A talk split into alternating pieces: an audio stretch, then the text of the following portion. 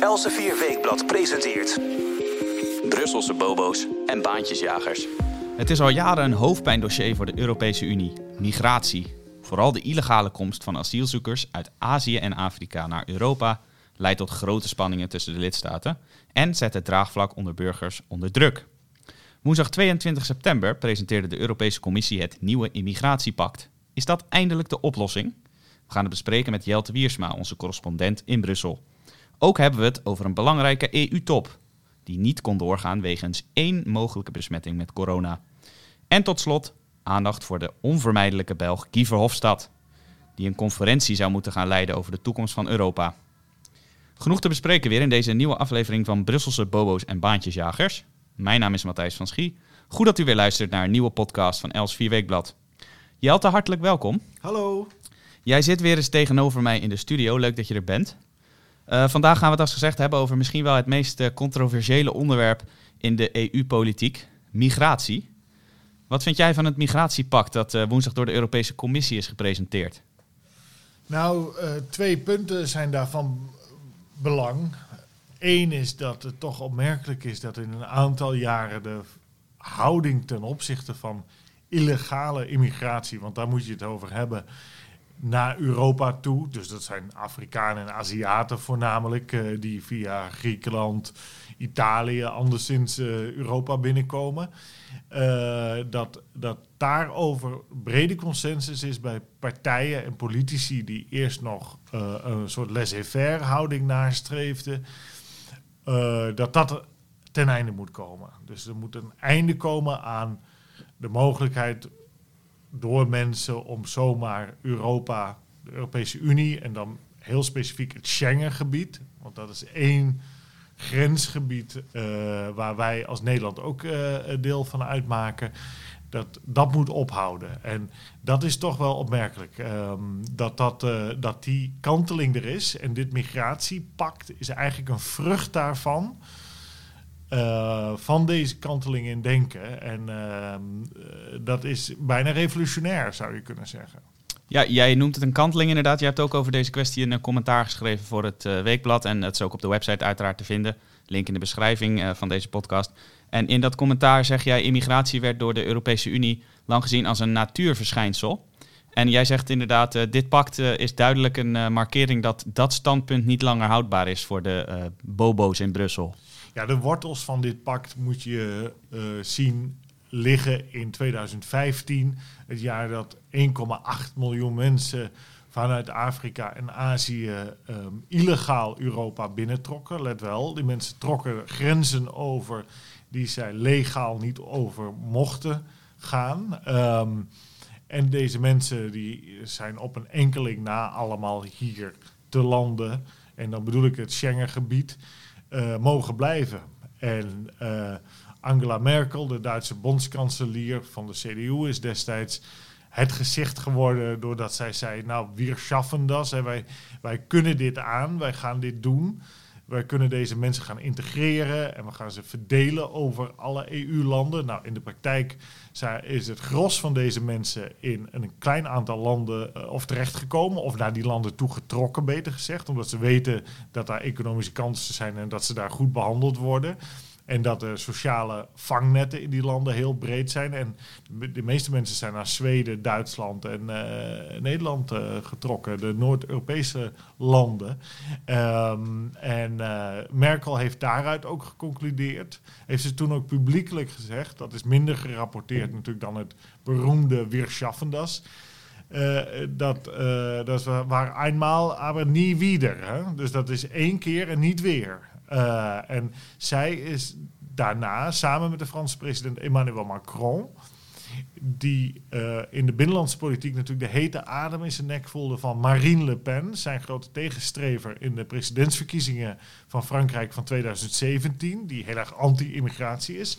Uh, heeft, heeft Macron eigenlijk haar de wind uit de zeilen gehaald, Le Pen. En, en samen met Merkel gezegd, nou, dit moet toch anders. Wij moeten...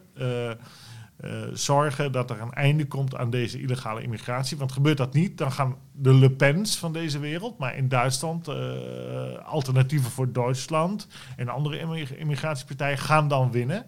En uh, die druk heeft van dus Le Pen en AFD, maar ook in andere landen, in Nederland, de PVV en Forum voor Democratie natuurlijk, heeft het toch toe geleid dat, dat je uh, zo'n pact krijgt zoals je dat nu hebt. Maar, een hele grote maar, um, de uitvoering hiervan en een aantal principes, daar heb ik grote twijfels over. Ja, we hebben het inderdaad uh, nu gehad over het waarom van het pact en de voorgeschiedenis. Maar de belangrijkste vraag is inderdaad, er zijn heel wat EU-toppen geweest over dit onderwerp de afgelopen jaren. Sinds 2015 inderdaad continu migratie op de agenda. Maar wat wordt er nou concreet voorgesteld in dit plan door de Europese Commissie dat het plan echt anders maakt dan voorheen? Nou, zoveel is ook niet anders hoor dan voorheen.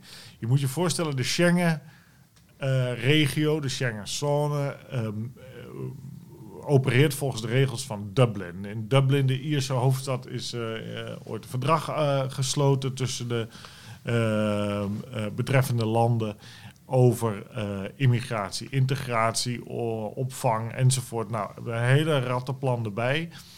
Um, maar daar houdt niemand zich aan. Want een van de principes van Dublin is dat iemand die illegaal, nogmaals, dat is heel belangrijk, hè, deze mensen komen illegaal bijvoorbeeld Italië binnen met een bootje. Deze mensen horen in Italië asiel aan te vragen. Uh, maar dat doen ze vaak niet. En Italië uh, wil dat ook helemaal niet. Uh, die stuurt die mensen, stuurde die mensen althans voorheen met bustickets die ook betaald werden door de regering in Rome naar Noord-Europa, wegwezen.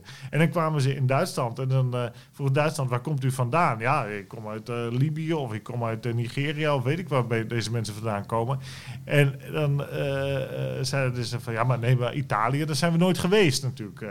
terwijl dat een leugen is. En eigenlijk had Duitsland dan zo iemand terug moeten sturen naar Italië. Ja, die Italianen die zeiden, sorry dat ik even onderbreek, de Italianen die zeiden natuurlijk, hey, wij, luister eens, wij liggen in Zuid-Europa. Uh, wij liggen het dichtst bij inderdaad uh, de, de Noord-Afrikaanse kust, waar al die uh, boten vandaan komen. Dus je kunt eigenlijk niet van ons verwachten dat wij ze allemaal opvangen, want dan zijn wij disproportioneel geraakt. Ja, die hebben dat altijd gezegd. Uh, en in de praktijk, me, toen er kleine aantallen mensen binnenkwamen, uh, werden die stilzwijgend naar het noorden doorgestuurd. En dan ja, maakten de, de, politieke partijen in het noorden daar ook niet zo veel lawaai over. Um, wat er nu in dit nieuwe pact staat, dit migratiepact, het lang verwachte migratiepact, is een eigenlijk een voortzetting van een aantal initiatieven die al ad hoc zijn genomen. Dat uh, één is daarvan uitbreiding van Frontex. Uh, dat is de grensbewakingsorganisatie, grenscontroleorganisatie moet ik eigenlijk zeggen, van het Schengengebied. En die, die zou meer slagkracht moeten krijgen in de Middellandse Zee. Uh, mensen moeten sneller worden teruggestuurd screening van mensen moet buiten uh, de Europese Unie gebeuren. Uh, nou, uh, um, het is eigenlijk, als je, als je het leest, um, ik heb het hier voor me in het Engels, het heet dan New Pact on Migration and Asylum.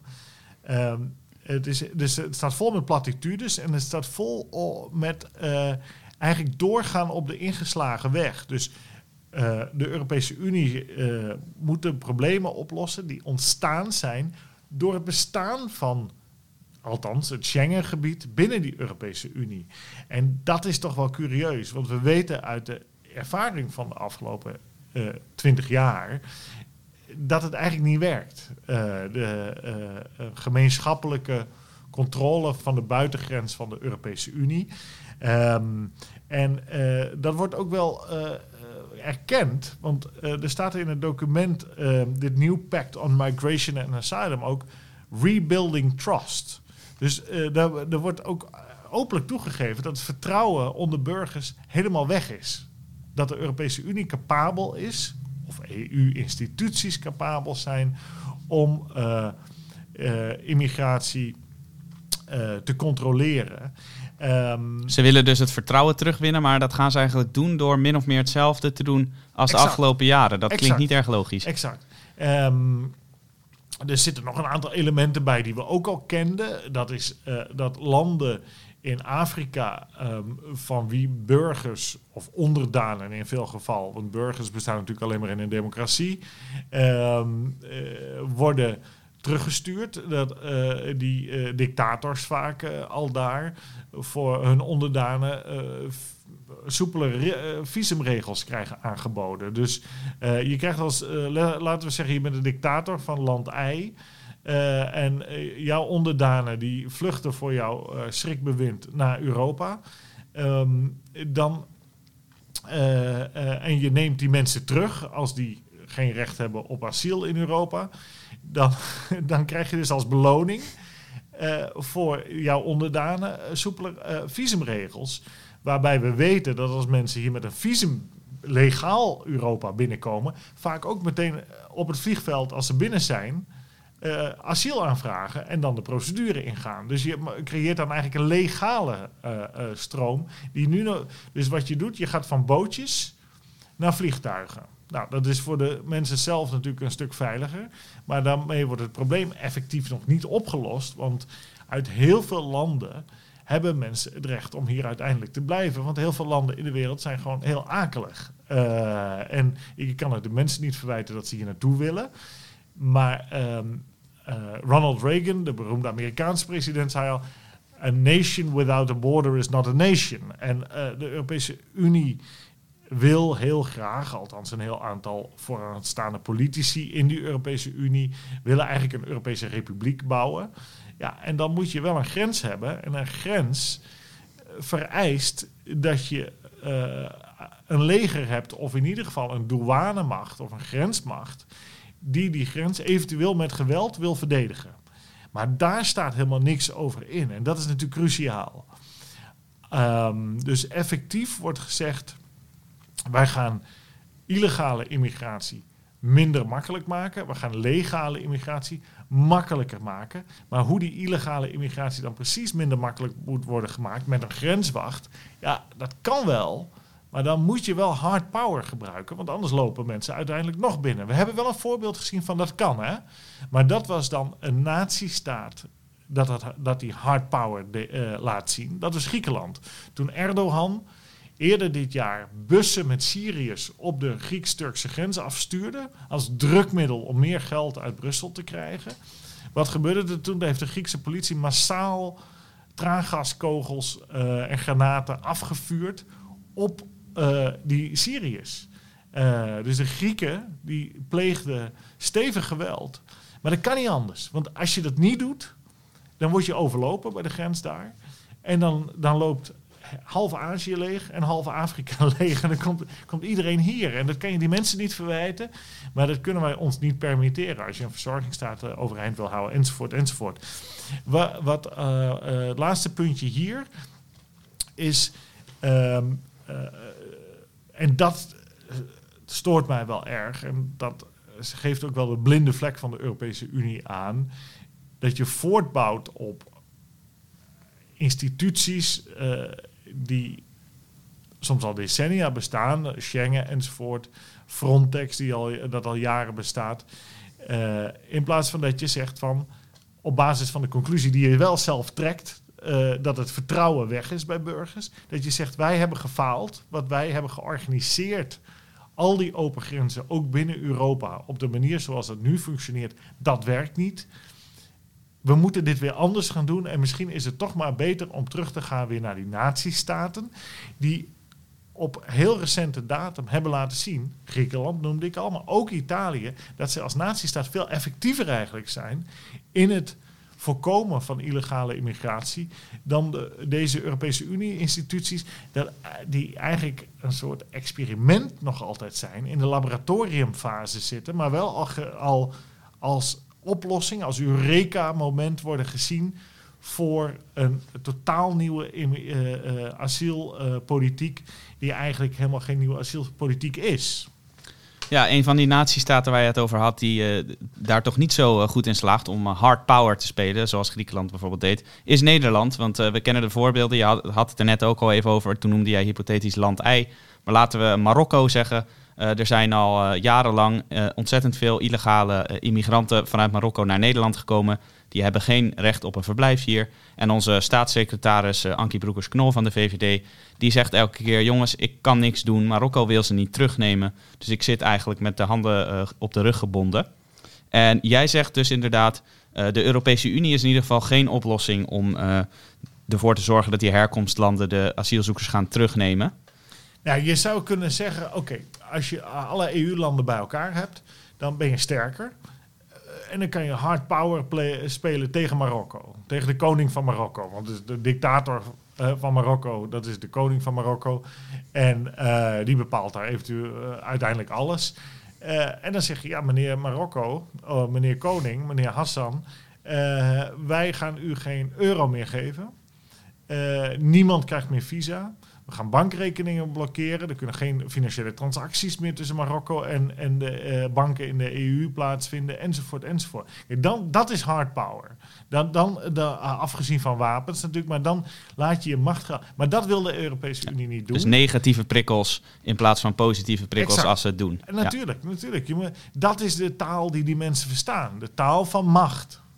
En de Europese Unie kan macht tonen als het dat ook wil en durft. Maar uh, in uh, het voorstel dat de Europese Commissie nu gedaan heeft, dit nieuwe migratiepact, wordt de kool en de geit gespaard. En wordt toch ook echt gezegd, ja, maar er moet ook, als illegale migratie wordt afgesneden, dan moet er mogelijk legale immigratie komen. Dan is ook de, uh, dat is ook zo gek. Waarom zou er überhaupt uh, immigratie moeten plaatsvinden? Nou, dan zou je kunnen zeggen: oké, wij hebben misschien toptalent uit de rest van de wereld nodig. En dat moeten we aan ons binden. Maar dat willen ze eigenlijk niet. Want ja, dan, dan worden de beste mensen uit andere landen weggehaald. Uh, dan heb je het over artsen, bijvoorbeeld tandartsen, waar vaak tekorten aan zijn. Uh, ingenieurs. Dus dan pikken wij de beste mensen uit de hele wereld. En dan worden de verschillen alleen maar groter tussen het Westen en de dat, dat is dan het argument. Dus wie mogen we wel hebben? De, de kansarmen. Dus uh, nou, in een verzorgingsstaat iemand uh, die, die fysiek of geestelijk gehandicapt is, is knijterduur. Dus dat doe je uit goedentierenheid. Nou, dat is allemaal heel lief en aardig. En dat moeten we misschien ook wel doen voor een aantal mensen. Uh, maar daar heeft Europa nog niet zoveel aan. Ten tweede, Duitsland uh, en uh, nog een, Nederland vaak ook wil graag goedkope arbeid voor de industrie. Mensen die niet al te veel geleerd hebben, die met de handjes kunnen werken. om de prijzen, de lonen te drukken. Ehm, is dat nou zo'n heel goed economisch model in plaats van investeren in je bestaande beroepsbevolking, die op lange termijn inderdaad gaat krimpen door de vergrijzing. Maar als je die mensen productiever maakt, dan geeft dat helemaal niet zoveel. Um, en in de grote strijd om talent in de wereld, en die is gaande, weten we dat de meeste mensen naar het Verenigd Koninkrijk willen, of naar Amerika of Canada of Australië, de Engels sprekende wereld. Die, zij trekken twee derde van alle mensen in de wereld aan uh, en dat is een van de successen van het Verenigd Koninkrijk en Amerika. Waar, uh, dat zij de beste mensen uit de hele wereld weten aan te trekken. En Europa trekt juist de minder krachtige figuren aan. Die aangetrokken worden door de verzorgingsstaten hier. In dat licht moet je toch als Europese landen, als EU-landen, wel uh, uh, een keuze maken van wat wil je nou? Wil jij de verzorgingsstaat van de wereld worden? Nou, het, het antwoord is eigenlijk nee. Van, want dat kunnen we niet aan. Dat, willen, dat wil de meerderheid van de burgers ook niet. Maar ja, er, er wordt dan als alternatief worden legale routes ingesteld voor niet de meest talentvolle en attractieven. En die zullen een kostenpost worden voor uh, een Europa, een Europese Unie, uh, een aantal landen die uh, toch ook al financieel niet overal even lekker zitten. Ehm, en waar enorme werkloosheidscijfers zijn. En dan denk ik niet in de laatste plaats Italië met 40% jeugdwerkloosheid. 40%. Laat die mensen eerst maar eens naar Duitsland gaan om in de industrie, of naar Nederland om in de industrie te, te werken. Uh, in plaats van uh, goedkope Afrikanen te halen. Maar dat, het fundamentele idee is dus wel van illegale immigratie moet stoppen. Dat is enorme winst. De grenzeloze wereld, daar is men wel van genezen, die lang toch beleden is. en dat begon met het opheffen van de binnen-Europese grenzen. En het idee was eigenlijk, nou we gaan alle grenzen van de wereld opheffen. Maar het idee van het is misschien niet zo verstandig om hier allemaal mensen naartoe te halen die geen bijdrage zullen leveren tijdens hun leven, financieel in ieder geval, aan, aan uh, Nederland en andere EU-landen. dat idee is nog niet weg. En het idee eh, blijft ook nog steeds dat de import van goedkope arbeid een verstandig economisch model is. En dat wil ik toch zeer bestrijden. Eh, en dan als laatste punt is natuurlijk de uitvoerbaarheid. We hebben het net al gehad over het eerdere falen van de EU-instituties om. Uh, en de EU-landen om die, die uh, illegale immigratie te voorkomen en te reguleren. En men bouwt grotendeels voort op dezelfde weg. Uh, en dan denk ik dat je toch wel een blinde vlek hebt. Maar um, ja, we weten wat in, eraan in de weg staat. Is moreel. moreel wil men nog niet de knip maken en zeggen: oké, wij gaan de beste mensen uit de wereld naar ons toe trekken. Wij worden, zoals Boris Johnson zegt, de Britse premier voor Engeland, wij worden de most exciting place in the world. Wij trekken de beste mensen uit de wereld. Dat wilde, willen de EU-leiders nog niet zeggen. Dus voorlopig blijft het een loser arrangement. Uh, en dat is uh, uh, pijnlijk. Maar wie weet, men is gedraaid op illegale immigratie. Wie weet, over 10, 20 jaar draait men ook naar een meer Angelsaksische positie. Dat je de losers buiten moet houden en dat je de toppers binnen moet halen. Ja, boeiende ontwikkeling om in de gaten te gaan houden. Inderdaad, ook een van de kernthema's hier bij Els4 Weekblad. Migratie, we, blijven het volgen, zowel in Nederland als in de Europese Unie als geheel. Interessante ontwikkeling om te gaan volgen. Uh, jij bent hier op de redactie, zoals ik al zei. En een van de redenen dat dat uh, vandaag kan, wat wij allemaal hier in Amsterdam hartstikke leuk vinden, is dat de EU-top is afgelast. en dat is een EU-top die zou donderdag 24 en vrijdag 25 september plaatsvinden in Brussel. Maar die is afgelast wegens een mogelijke coronabesmetting. Nou, dat moet dan wel een heel belangrijk figuur zijn. Wie is er met corona besmet? In ja, Charles Michel. Ja, ik ben inderdaad kunnen afzakken uh, naar het barre noorden. Uh, zo, zie, zo lijkt dat toch een beetje vanuit Zeeland en Brussel. Uh, Amsterdam is toch heel ver weg. En dan ben je bijna op de Noordpool voor je gevoel. ik, ik snap de Zuid-Europeanen nu wel beter in dat perspectief. Zeker als wij hier om ons heen kijken naar de grijze lucht. Eh, toen ik uh, vanochtend uit het zuiden vertrok, scheen de zon. En ik kom in Amsterdam en uh, het is koud en regenachtig. dus ik ga straks weer terug naar het warme zuiden. maar dat terzijde. Nee, onze, mijn, mijn, mijn buurtgenoot Charles Michel in Brussel, die um, voorzitter is van de Europese Raad, Belg, oud-premier van België, van de MR, de Mouvement Réformateur, een links-liberale burgerlijke partij uit uh, Wallonië, Franstalig België. Die uh, heeft een um, veiligheidsmedewerker, een beveiliger die um, met corona besmet is. En um, volgens Belgische regels moet Michel daarom in quarantaine in wat dan tegenwoordig zelfquarantaine heeft, uh, heet. Ik uh, snap dat woord niet helemaal, maar goed. Uh, en daarop is op vraag van Michel de Europese top inderdaad uitgesteld. en wat... Uh, daarvoor heeft hij overlegd met Angela Merkel, de Duitse bondskanselier. Want uh, Merkel is op dit moment uh, voorzitter van de Europese Unie. Elk, elk EU-land heeft eens in de 13 jaar een half jaar het voorzitterschap van de Europese Unie. En dat is uh, nu Duitsland, de tweede helft van dit jaar. En uh, Angela Merkel als bondskanselier is effectief de voorzitter van de Europese Unie. Er zijn nooit tekort aan voorzitters in de EU. Want je hebt dus Michel als voorzitter van de Europese Raad. Nou, dat is nauwelijks te volgen voor een normaal mens. Uh, Voorop staat in ieder geval, er zijn genoeg voorzitters. Maar toch, omdat de e deze ene voorzitter van de Europese Raad een veiligheidsmedewerker heeft die besmet is met corona, kon het hele feest niet doorgaan. Terwijl in Nederland, als premier Rutte bijvoorbeeld de persconferentie niet kan geven, dan schuift een van zijn uh, vicepremiers naar voren. Ja, nou dat had nu gekund. Merkel had verdragsrechtelijk uh, het voorzitterschap van de Europese Raad over kunnen nemen van Charles Michel. Maar daar is toen besloten om dat niet te doen. Dat heeft al, al allemaal achtergronden. onder meer dat. Um, er uh, een conflict is over sancties tegen Rusland al dan niet. Of Wit-Rusland, excuus, al dan niet. Uh, maar ja, voor, voor, uh, het is natuurlijk een blamage voor de Europese Unie dat een top niet door kan gaan omdat een eigenlijk irrelevant figuur zoals Charles Michel er niet bij kan zijn. Want we moeten even teruggaan naar de geschiedenis uh, van niet zo heel lang geleden. Uh, toen was er helemaal geen voorzitter van de Europese Raad. Die is er pas sinds 2009. Een permanente voorzitter, moet ik erbij zeggen.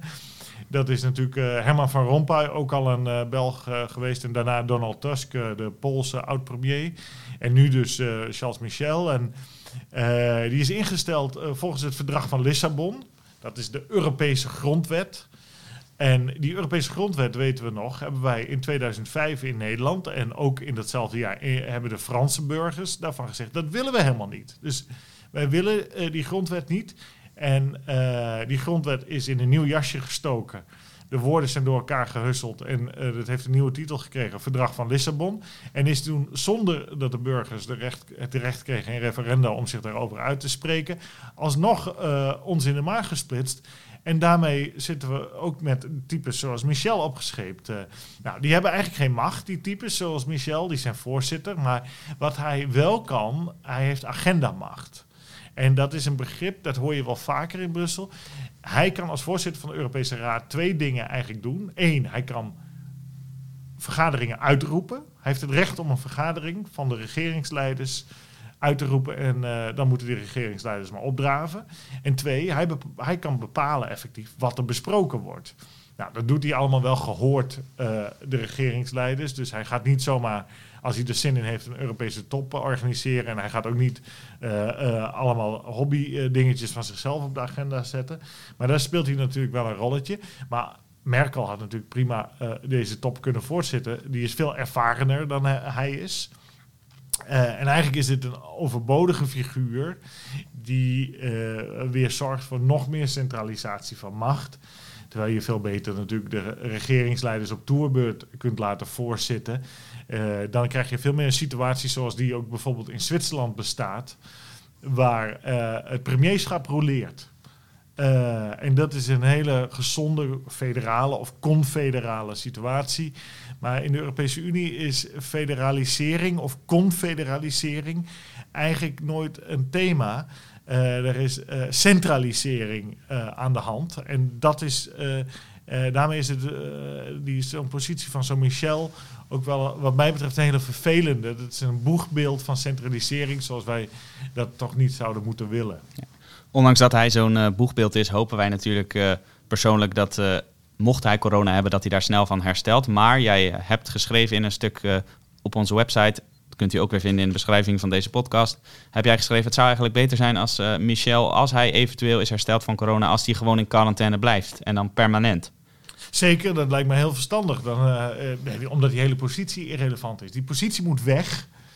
Dat is een icoon van centralisering van macht in Brussel. En dat moet je juist doorbreken, want dat gaat in tegen de aard van wat Europa is. Europa zijn verschillende volkeren, religies, culturen enzovoort in wel een soort eenheid, maar met allerlei verschillende parlementaire politieke tradities, met monarchieën, republieken enzovoort enzovoort. De Zwitsers de, met vier talen hebben daar een oplossing voor gevonden in een confederatie. Dus je bent wel samen, maar je doet eigenlijk heel weinig dingen samen. Uh, en dat is een hele slimme oplossing. En die, ja, daarvan zou je moeten leren een rolerend voorzitterschap van de Europese Raad. En uh, daar past, uh, bij de aard van Europa past zo'n permanente voorzitter niet. Dus laat Michel vooral in quarantaine blijven. En eventuele opvolgers ook. Uh, die, dat ze al die voorzitterschappen weg ermee, alsjeblieft zeggen. Dat, daar word je toch niet heilig van. Hè? Nee. Duidelijk statement, uh, Jelte, maar ik betwijfel of ze erna gaan luisteren in Brussel. Uh, we hebben het net over uh, één boegbeeld gehad van centralisering. Ik vrees, ik vrees dat ze dat niet gaan doen, maar ik heb wel goede hoop. Want kijk, Elsevier heeft de traditie om eigenlijk altijd gelijk te hebben natuurlijk. Alleen te hebben sowieso, maar te krijgen is een ander verhaal. Soms duurt het 40 jaar voordat we het krijgen. Maar kijk naar kernenergie, kijk naar immigratie. Het valt onze kant allemaal wel op op een gegeven moment. Het inzicht als je maar lang genoeg doorgaat, komt er wel. Dus uh, ik maak me daar helemaal geen zorgen over. Maar als wij uh, hoogbejaard zijn en hier zitten, dan uh, denk ik dat we kunnen concluderen dat ze toch naar ons geluisterd hebben. Zo is het. En dan staat het allemaal op podcast. Dus dan hebben wij daar allemaal hard bewijs voor dat Zo wij dat al lang hebben gezien. De, de, luisteraars zijn onze getuigen ook. Zo is het. we hadden het net eens over een boegbeeld van centralisering in de Europese Unie. En om af te sluiten hebben we eigenlijk nog zo'n boegbeeld uitgekozen om het over te hebben. Namelijk Guy Verhofstadt.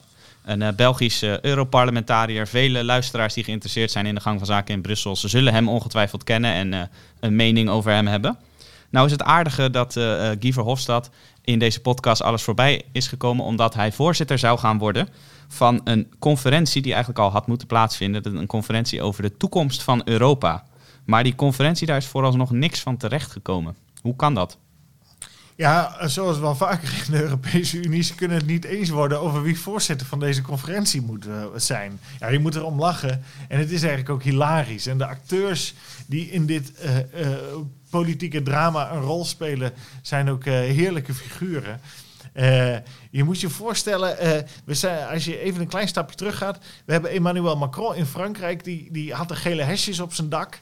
En die is toen een, uh, als uitgestoken hand naar de Franse bevolking, is hij een, een luisterronde, consultatieronde in eigen land begonnen. En uh, nou, je zou denken van een politicus is, uh, uh, luistert sowieso naar de bevolking, maar een politicus leidt ook de bevolking. Maar goed, Macron die had het allemaal verkeerd begrepen. Die kreeg die hesjes op zijn dak en die, die, die dacht, oh ik moet iets en ik ga maar luisteren naar de bevolking. Nou, dan dacht hij van, oh zo'n conferentie moeten we op EU-niveau ook doen. Dus we moeten gaan luisteren naar de mensen.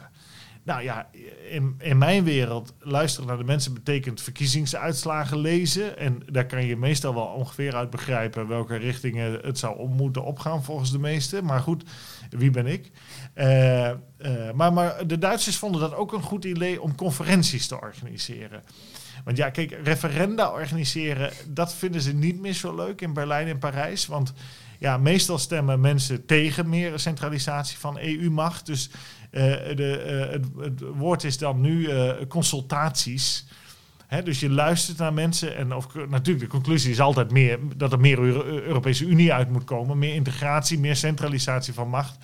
Maar, maar goed, deze Macron die heeft bij de Europese Raad met Duitse steun, dus met Merkel steun, die andere regeringsleiders zo gek gekregen dat er een tweejarige conferentie moet komen en dat is dan niet op, op één plek per se, maar op, op alle plekken en overal in Europa moet geluisterd worden. In, in, eh, in sporthallen, in gemeentehuizen. Een soort reizend circus, maar dan net iets uh, anders dan het vorige reizende circus waar we het over hadden. Het, zo is het. Uh, nou goed, die, die conferentie On the Future of Europe heet dat ding. Terwijl de helft van de landen in Europa niet lid zijn van de EU. Maar goed, dat is zijde. Dat is weer een heel andere discussie, uh, ook een interessante. Um, uh, die, die, die, deze conferentie on the future of Europe... Uh, die moet een voorzitter hebben. En de Raad van Regeringsleiders... die willen eigenlijk een, een, een, een no-no als voorzitter. Iemand zonder meningen. Um, een soort neutrale voorzitter... Um, en het Europees Parlement heeft natuurlijk deze Macron-actie aangegrepen om dit helemaal naar zich toe te trekken. En het Europees Parlement wil heel graag dat er een, dat grote spektakelconferenties in Brussel gaan plaatsvinden. Met, uh, uh, en uh, die hebben in een deal tussen Manfred Weber, de voorzitter van de Europese Volkspartij, en Duitse CDU'er. En Guy Verhofstadt en de Sociaaldemocraten. Dat zijn de drie grote fracties in het Europees Parlement afgesproken dat Verhofstadt, uh, die toen nog leider was van de Liberalen in het Europees Parlement, die uh, zou Weber steunen in zijn kandidatuur om commissievoorzitter te worden. Uh, Verhofstadt in ruil daarvoor zou worden gesteund als voorzitter van deze conferentie on the future of Europe. Nou, wat is er nu gebeurd? Verhofstadt heeft een mes in de rug van Weber gestoken. Uh, want hij heeft uiteindelijk Weber niet gesteund als commissievoorzitter. En Weber is het ook niet geworden. Uh, wie is het wel geworden? Ursula von der Leyen, ook een Duitse, maar van de C CDU. Um, ehm, Verhofstadt... Sorry, Weber was ook van de CDU, toch? CSU. CSU, CSU Weber ja. CSU, dat is net iets anders. Ja, hè? dat, dat is waar. Zusterpartij. Uh, Zusterpartij. uh, dat zijn halve Fransen ja. in hun opvatting. Althans, hun reflexen zijn vaak meer Parijs dan Berlijns. protestant, katholiek, enzovoort, enzovoort. 30-jarige oorlog, we beginnen er niet nee. over. maar het loopt allemaal heel diep daar, heel gevoelig. Maar deze, onze grote vriend van Hofstad, die, uh, uh, ja, die wordt nu door het uh, Europees Parlement voorgesteld als zijnde. Die moet de voorzitter worden van deze conferentie. Um, en, ja, is die zo neutraal, Guy Verhofstadt? nou ja, Verhofstadt is natuurlijk voor, dat is een goede vraag, eindeloos voor een Europese republiek. En dat vind ik wel goed dat hij dat ook eerlijk zegt. Hij, hij praat niet met milde, in de mond zoals veel regeringsleiders en andere politici dat eigenlijk ook willen. Hij zegt van ik wil een Europese republiek, een, een krachtige, machtige speler, een soort Verenigde Staten van Europa. Uh, met een leger, met een munt, alles erop en eraan. Nou, uh, dat vind ik tenminste fair en square. Dan weet je wat je aan die man hebt. Maar ja, om hem als voorzitter van die conferentie te hebben, dan, dan weet je helemaal wel wat de uitkomst wordt. Dus um, er zijn natuurlijk vele uh, uh, regeringsleiders die zien die Verhofstadt helemaal niet zitten. En uh, uh, ze kunnen er niet over eens worden, de Europese Commissie, het Europese Parlement en de Europese regeringsleiders, hoe die voorzitter, wie die voorzitter moet zijn. Nou, uh, uh, want de conferentie had al in het voorjaar moeten beginnen. Hè? We zijn nu in het najaar, we zijn nog niet begonnen. Daarom, we, ik denk misschien dus, is het wel een jaar geleden dat wij in deze podcast al zeiden, die conferentie komt eraan. Ja. Maar we hebben het er nog steeds over en er is nog niks van terechtgekomen. Die is er nog steeds ja. niet. Dus het, het is zo'n blamage ook weer, van, dat ze hier niet uitkomen. Wat ze nu gaan willen doen, ja, het is, dit is een EU-oplossing. Uh, van uh, prachtige schoonheid. Ze willen nu een, een, overkoepelende voorzitter gaan aanstellen. Dat moet een, een no-no worden, iemand zonder opvattingen. En daaronder moet een uitvoerend comité komen met drie voorzitters. Eentje vanuit de raad, eentje vanuit de commissie en eentje vanuit het parlement voorgesteld. En die vanuit het parlement mag dan Verhofstadt worden. maar die, van die drie uitvoerende voorzitters moet natuurlijk weer eentje de baas zijn. De, de eerste voorzitter, zeg maar. En dat zou Verhofstadt dan moeten worden. Het is ook een eh, baantjesjager ook, hè? We hebben onze uh, podcast natuurlijk niet voor niks zo genoemd. ja, nou, ik bewonder Verhofstadt enorm. Want hij is al sinds 1977 kan je je voorstellen. Sinds 1977 onafgebroken verkozen politicus. Ja. Kan je je voorstellen? Dat is, en een halve eeuw is deze man nu uh, in alle hoedanigheden, waarbij, waaronder bijna tien jaar premier van België. En hij blijft maar terugkomen. Hij is uh, tien jaar voorzitter geweest van de liberale fractie in het Europees Parlement. Daar is hij uitgewerkt door Emmanuel Macron, de president van Frankrijk, en Mark Rutte, de Nederlandse premier natuurlijk. Die hadden genoeg van hem. Die wilden hem eruit hebben. Die vonden het niks dat hij zo eerlijk was over zijn uh, streven naar een groot Europees Rijk. En Macron wilde een slaaf daar hebben, een lakai. Die, die zou er ook komen, maar dat is uiteindelijk, uh, dat zou een Française worden. En nou, die is uiteindelijk uh, door allerlei schandalen aan de kant geschoven, maar het is nu uh, Sidios, dat is een, zeg ik, ik hoop dat ik het goed uitspreek, maar dat is een Roemeen die, die erg francofiel is, zoals veel Roemenen dat zijn overigens. Uh, en dat is eigenlijk een lakai van Macron. Dus uh, die liberale fractie is in uh, handen van de Fransen en de Nederlanders. Want Malika Asmani is door Mark Rutte uit de Tweede Kamer gehaald. En daar als vicevoorzitter van die fractie neergezet en als spion. En ze hebben ook de D66'ers daar hardhandig uitgewerkt. dan moet je denken aan Sophie in het veld, uh, die altijd vice-fractievoorzitter was, D66 is, in diezelfde liberale fractie zit. Uh, en de rechterhand is van Verhofstadt. Dus Sophie in het veld uh, en Verhofstadt die zitten nu tweede rangs. Toch maar, gaat die Sophie in het veld vaak ook flink tekeer, net als Guy Verhofstadt. Ja, ja, ja maar dat zijn, die zijn twee handen op één buik. en die is ook eerlijk daarover. Die zegt ook, ik wil een Europese republiek. En dat is prima. Als je dat uh, in eerlijkheid zegt, dat vind ik heel goed. Uh, die, uh, maar Verhofstadt laat zich niet aan de kant duwen. Hè? Hij is dus door Macron en Mark Rutte aan de kant geduwd. Niet de minste. D66 met hem, Sophie in het veld, ook opzouten. uit de, uit de cockpit van die liberale fractie. De, die wordt echt nu geleid door de Fransen en de, en de Nederlanders. Amars en de VVD. Uh, maar vooral Amars natuurlijk, want Nederland is natuurlijk maar een kabouterland en, en uh, is uiteindelijk altijd de bijwagen. Uh, en nooit, zit nooit op de, op de bok. maar Verhofstadt toch op zijn leeftijd. Hij is nu 65, dacht ik, of 67 al. die vecht dus terug. Die hij is niet van plan om met pensioen te gaan nee, nee, nee. tot hij die conferentie heeft mogen leiden. En dat vind ik wel goed hoor. Die laat zich toch tonen dat een oude baas of een oudere baas, iemand op de pensioengerechtigde leeftijd, nog niet afgeschreven is. En hij, uh, hij blijft maar weer knokken voor, uh, om voorzitter ergens van te worden. En uh, ik moest wel erg lachen. Ik sprak Dirk-Jan Epping, Europarlementariër voor Forum voor Democratie. En uh, Dirk-Jan Epic is natuurlijk oud-journalist, heeft, heeft voor NRC Handelsblad gewerkt en voor de Standaard in België heel lang, waar hij politiek verslaggever was toen Guy Verhofstadt premier was in België. En die twee hadden de hele tijd ruzie. Uh, en er waren ook altijd weer goedmachingsdineetjes tussen Verhofstadt en Epping. En die... Uh, Epping is natuurlijk al columnist geweest voor Elsevier, voor de Volkskrant. Uh, en nu dus weer terug in het Europees Parlement voor Vorm voor Democratie. En ik sprak hem en hij zei: Ja, die Van Hofstad, dat is toch ook een gepensioneerde strijder. Die weet niet van ophouden. En dat, dat is ook wel zo. Dat, maar daar heb ik toch wel ergens respect voor. Maar ja, Van Hofstad is, is ook zo dat. hij luistert eigenlijk nooit naar iemand. Dat is ook de grote klacht over hem. Hij is alleen maar van het zenden.